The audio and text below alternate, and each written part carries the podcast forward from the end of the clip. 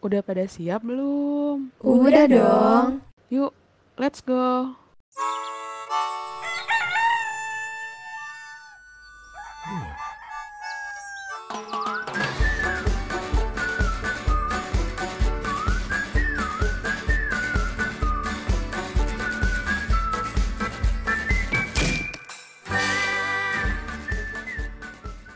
Halo Femkos. Sekarang kamu lagi dengerin iPod. IKK Podcast.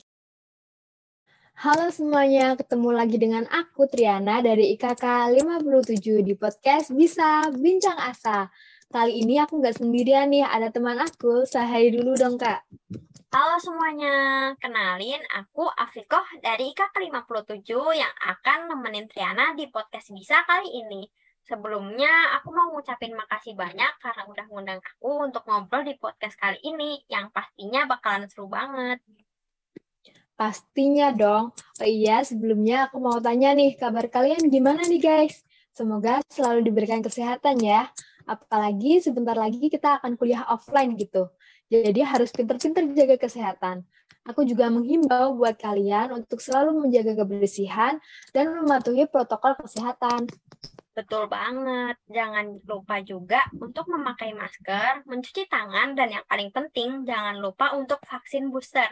Walaupun udah ada kelonggaran dari pemerintah nih, perlu kita ketahui bahwa COVID-19 masih mengintai ya teman-teman. Betul banget itu, Vi.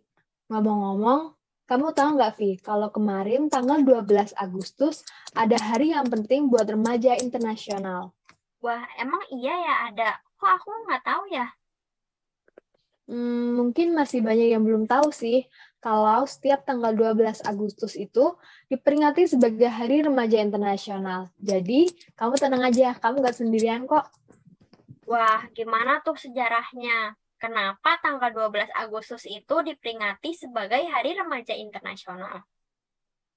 Jadi gini, Vi, tanggal 12 Agustus diperingati sebagai Hari Remaja Internasional, awalnya bermula dari rekomendasi hasil World Conference of Minister Responsible for Youth yang diselenggarakan di Lisbon pada 8 sampai 12 Agustus 1998.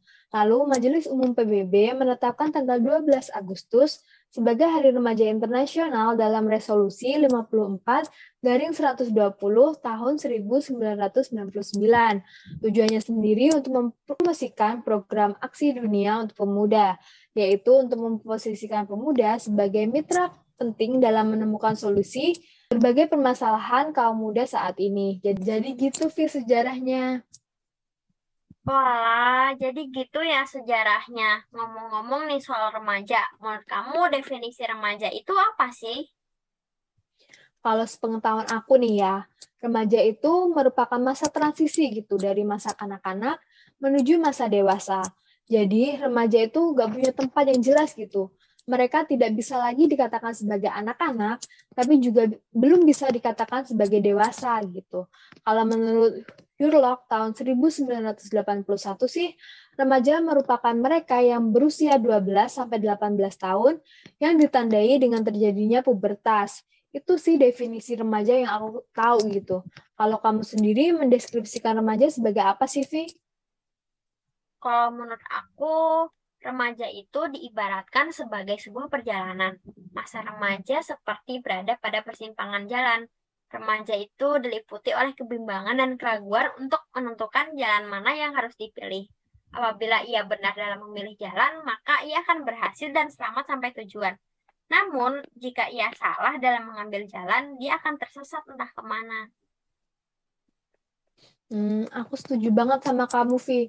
Seperti yang kita tahu gitu, bahwa masa remaja merupakan periode strong and stress, di mana mereka dihadapkan pada berbagai tantangan yang harus dilalui, mulai dari mencoba mencari jati diri, mengembangkan sifat dan sikap, serta periode di mana rasa keingintahuan dan mencoba hal yang baru itu sangat tinggi gitu. Jadi kalau dari awal mereka salah melangkah, mereka bakal tersesat ke depannya. Benar banget tuh di masa remaja mereka juga mencoba untuk menunjukkan eksistensi mereka. Mereka ingin keberadaannya dianggap ada. Mereka ingin mendapatkan pengakuan atas apa yang mereka lakukan. entah itu perbuatan positif ataupun negatif. Hanya karena mereka ingin dianggap ada, dianggap sebagai seseorang gitu. Hmm, pendapat kamu benar banget Vi. Uh, remaja itu lagi dalam masa yang ingin menunjukkan eksistensi mereka gitu. Jati diri sih lebih tepatnya.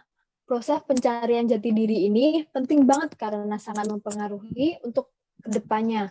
Kalau proses ini gagal, bisa-bisa terbentuk jati diri yang negatif. Fatal banget sih kalau kayak gitu. Kalau prosesnya gagal, bisa-bisa remaja jadi cenderung nggak tahu apa keinginan hidupnya yang sebenarnya. Remaja juga jadi rawan banget terjerumus ke hal-hal yang negatif parah banget ya kan efeknya. Apalagi remaja itu rentan gitu terjerumus ke hal-hal yang negatif gitu. Bisa-bisa terjadi krisis identitas. Krisis identitas ini merupakan ketidakmampuan atau kesulitan pada remaja dalam menentukan siapa dirinya status dan hal yang bisa dibanggakan gitu dari dirinya. Identitas diri ini merupakan bagian yang penting untuk kematangan jiwa seseorang gitu. Benar banget tuh. Makanya remaja tuh harus pintar-pintar milih pergaulan dan lingkungan yang baik, biar jati diri yang dihasilkan juga positif. Oh iya, ada cara-caranya nggak sih buat masalah pencarian jati diri ini? Pastinya ada dong. Caranya yaitu dimulai dari mengenali kemampuan dari diri sendiri. Remaja harus tahu gitu hal apa yang bisa dan tidak bisa ia selesaikan. Apabila sudah mengetahui kedua hal tersebut, remaja perlu melakukan introspeksi diri gitu dengan belajar dari kesalahan di masa lalu dan mulai untuk meningkatkan kemampuan dirinya gitu. Wah, membantu banget nih cara-caranya. Selain itu, remaja juga bisa mengatakan hal-hal positif pada diri sendiri sebagai motivasi. Jangan lupa juga untuk selalu bahagia dan bersyukur untuk apa yang sudah dimiliki. Setuju banget aku sama kamu, Vi. Ngomong-ngomong, nggak kerasa nih, waktu kita udah hampir habis. Sayang sekali ya, padahal masih banyak topik yang bisa kita bicarain tentang remaja gitu. Iya nih, sayang banget. Tapi dari pembicaraan kita kali ini banyak banget loh pembelajaran yang bisa diambil.